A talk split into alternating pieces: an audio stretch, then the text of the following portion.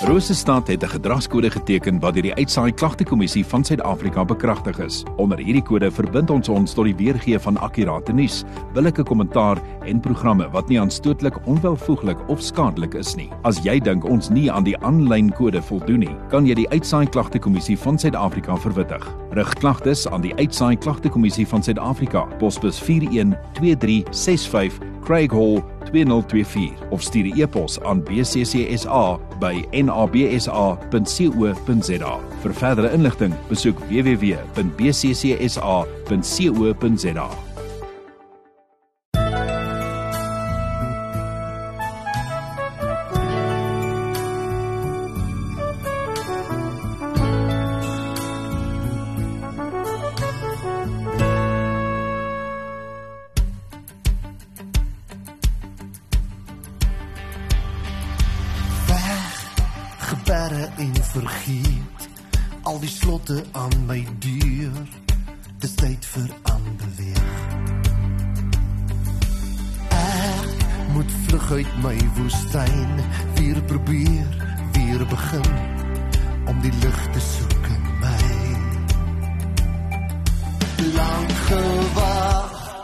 vir die oomblik in my lewe waar ek oor begin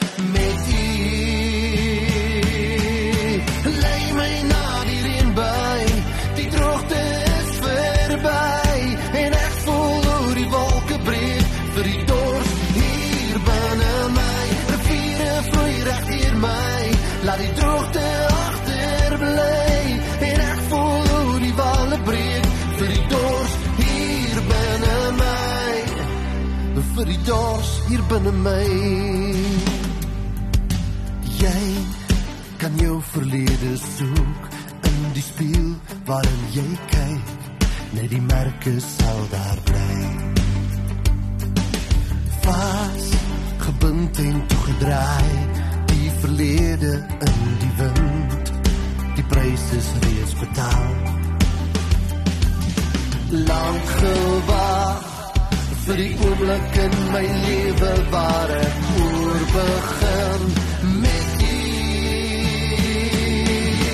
Lei my na die reënby die droogte is verby en ek voel hoe die wolke breek vir die dors hier binne my. Riviere vloei reg deur my laat die droogte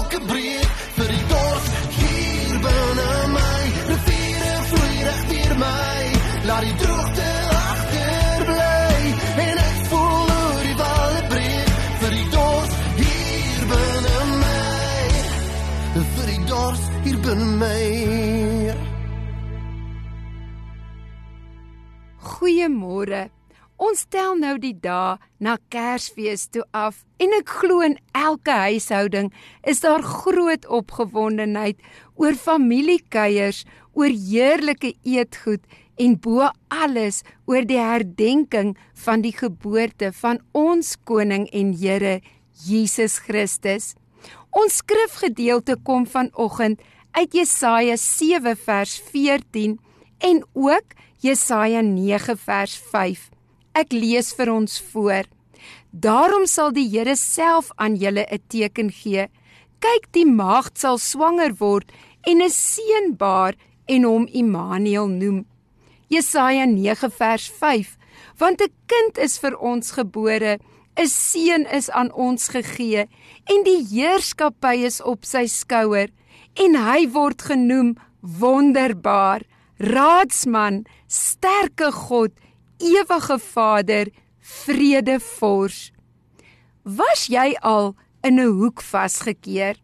Jy het die aanloop gesien. Jy het probeer planne maak om 'n uitweg te vind, maar elke poging was te vergeefs. En toe skielik is jy in 'n hoek. Daar is net geen uitkomkans nie. Daar is nie raad of moontlikhede van hulp nie. Die ergste wat kon gebeur, het 'n realiteit geword. Dit kan 'n ernstige siekte wees.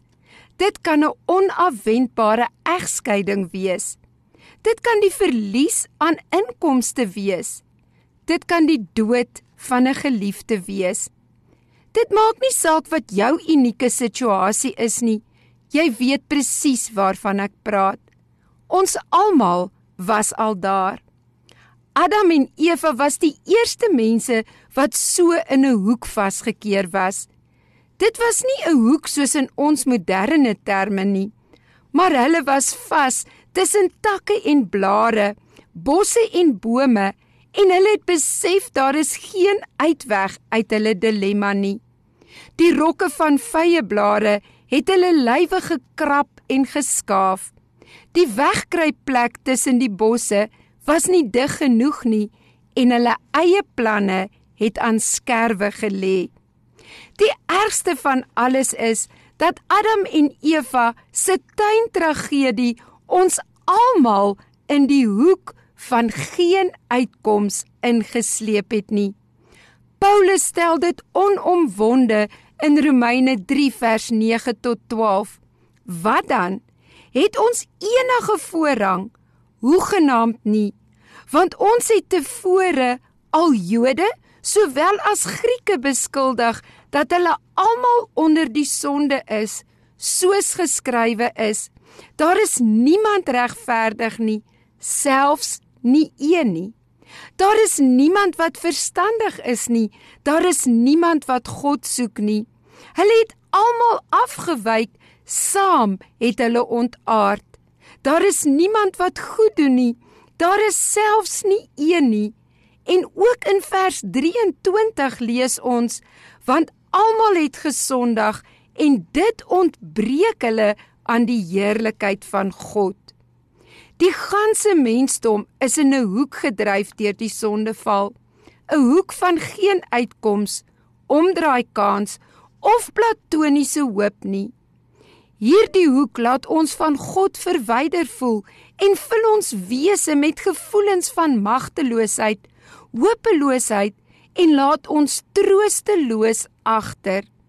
Dit is niks nuut nie. Die Bybel verhaal vir ons verskeie sulke in die hoek vasgekeerde situasies. Vanoggend gaan ons spesifiek na die tydsomstandighede kyk waarin die profeet Jesaja vir ons die fakkel van hoop aansteek in die belofte dat God die Messias sal stuur om verlossing en genesing te bring. Die boek Jesaja is oor 'n lang tydperk geskryf en daarom omskrywend van uiteenlopende omstandighede. In die beginjare van die boek gaan dit met die volk goed op ekonomiese gebied en hulle is vooruitstrewend. Maar Jesaja wys dat die samelewing tog inherënt siek was. Uiterlik was die mense baie godsdienstig, maar innerlik verrot. Uitbuiting van die armes, oneerlikheid en eie belang was die aanvanklike kenmerke van hierdie siek samelewing. Dit klink vanoggend steeds so bekend. Ons kan dadelik met die profeet se uitdagings identifiseer. Later verander die omstandighede van Israel drasties in die tyd van Jesaja. God laat toe dat hulle in ballingskap weggevoer word. Dit dompel hulle in oorweldigende elende. Hulle is moedeloos, sonder enige mag, arm en uitgelewer. Later keer hulle terug na hulle eie land, maar beleef nie die hoogtepunte wat hulle verwag het nie. Hulle is steeds onder die Persiese heerskappy en sien min sin daarin om aan God getrou te bly. Hulle is ongeërg oor hul godsdiens en moedeloos in hulle omstandighede. Die prentjie wat Jesaja vir ons skets, is selfs in ons moderne konteks steeds wel bekend. 'n Prentjie van in die hoek vasgekeer wees. En dit bring allerlei geloofsvrae in ons harte en gedagtes op. Is God bewus van my omstandighede? Is dit hoegenaamd moontlik dat God deel uitmaak van my lewenspad? Is hy werklik betrokke by die lewe en lotgevalle van mense en spesifiek my lewe? Kan sy teenwoordigheid regtig die kontoure van my lewenspad volg? Die opdrandes en afdrandes, die hoogtepunte en laagtepunte, die vreugdes en teleurstellings. As dit goed gaan, is dit vir ons maklik om te glo dat God naby is. Maar as dit swaar gaan, wonder ons vinnig en maklik of God nie van ons vergeet het nie. Die profeet Jesaja skets egter nie net vir ons die donker prentjie van menswees, wêreldse uitdagings en probleme nie, maar hy kom hou vir ons die ligkant, die goeie nuus van God se betrokkenheid by die lotgevalle van die mens voor. Hy wys vir ons dat God nie wegskram van ons verlorendheid en krisisse nie, maar juis daarin toetree. God omarm ons gebrokenheid, nie om dit onder die mat in te vee of om dit te verberg nie. Nee, veel meer as dit om ons te red en te genees, om ons te vergewe en te seën. Juis in hierdie goeie tyding wat Jesaja in ongeveer 740 jaar voor die geboorte van Jesus vir ons aanskakel soos 'n lig in die duisternis, kan ons vanoggend agslaan en uitroep: Hoe lieflik is op die berge die voete van hom wat die goeie boodskap bring, wat vrede laat hoor, wat goeie tyding bring, wat verlossing uitroep, wat aan Sion sê Jou God is koning. Maar wat presies is die inhoud van hierdie goeie nuus? Waarin lê die oplossing vir die mens se krisis? Waar is die deur wat ons uit die hoek van 'n krisis, swaar kry, siekte en seer kan uitlei? Die alles oortreffende, wonderbare nuus lê nie in 'n 10-punt plan nie, Dit is nie gesetel in menslike argitektuur of planne nie. Dit is nie 'n filosof, filosofiese denkpatroon om die positiewe in menswees te voed en die negatiewe te laat vaar nie. Dit is nie gebaseer op leë politieke beloftes van voorspoed, vrede en ekonomiese stabiliteit nie. Dit is nie gevind in wetenskaplike teorieë en ontdekkings nie. Dit is nie 'n vaal hoop van lewe op 'n ander planeet nie. Die goeie nuus, die blye tyding gaan oor 'n persoon, Jesus Christus, die seun van die lewende God. Hy is die vervulling van die beloftes wat God aan Abraham, Isak en Jakob gemaak het. Dit handel oor God se persoonlike toetrede tot die vervalle skepping.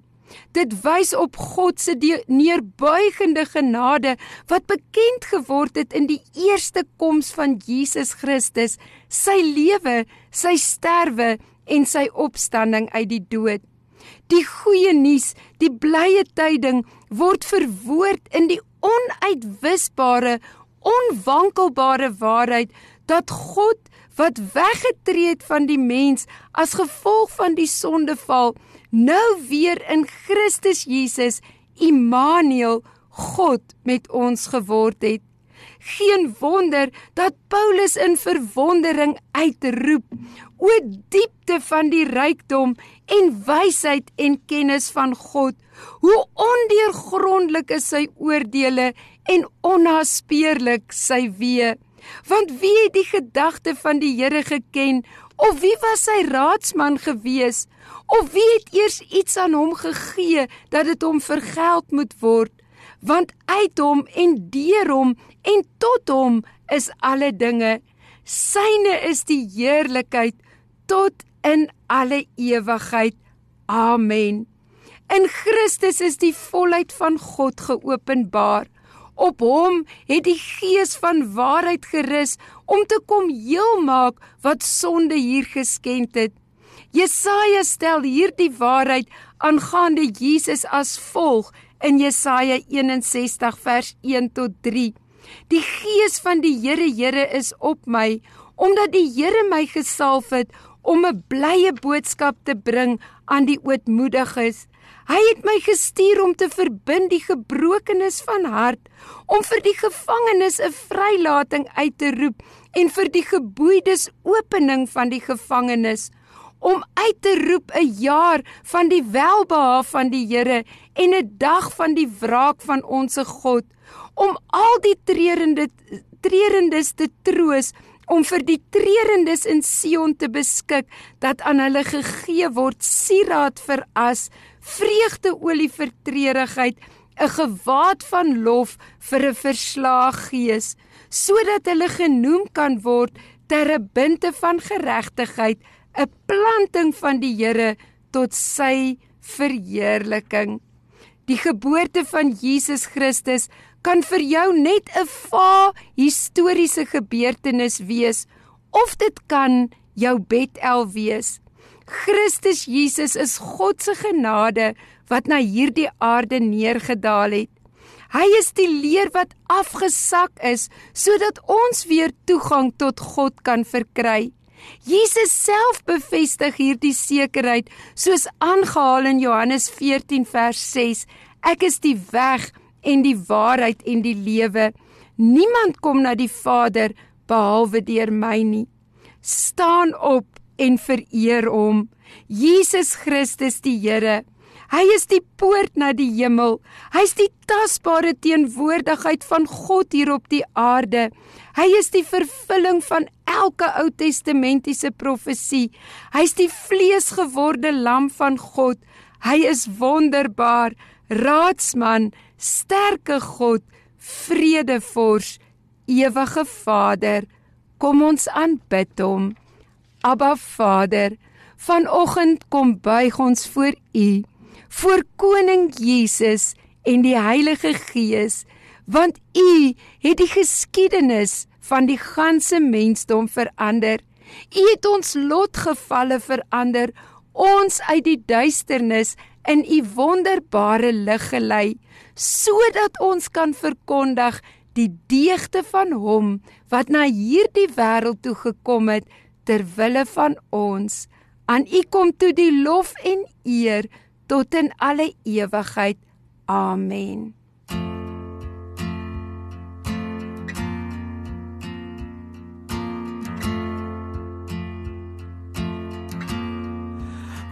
What can I give to you?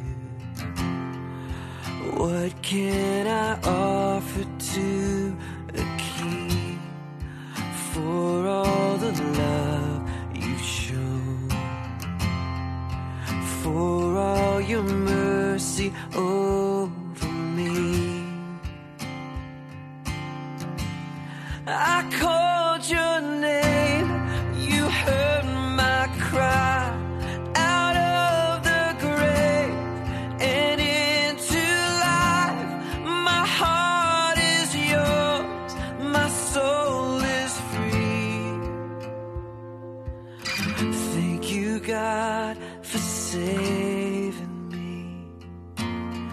Thank you, God, for saving me.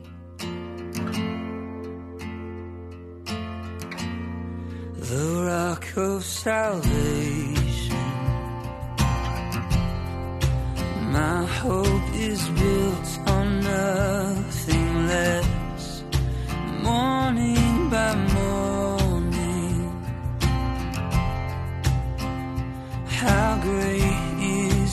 face.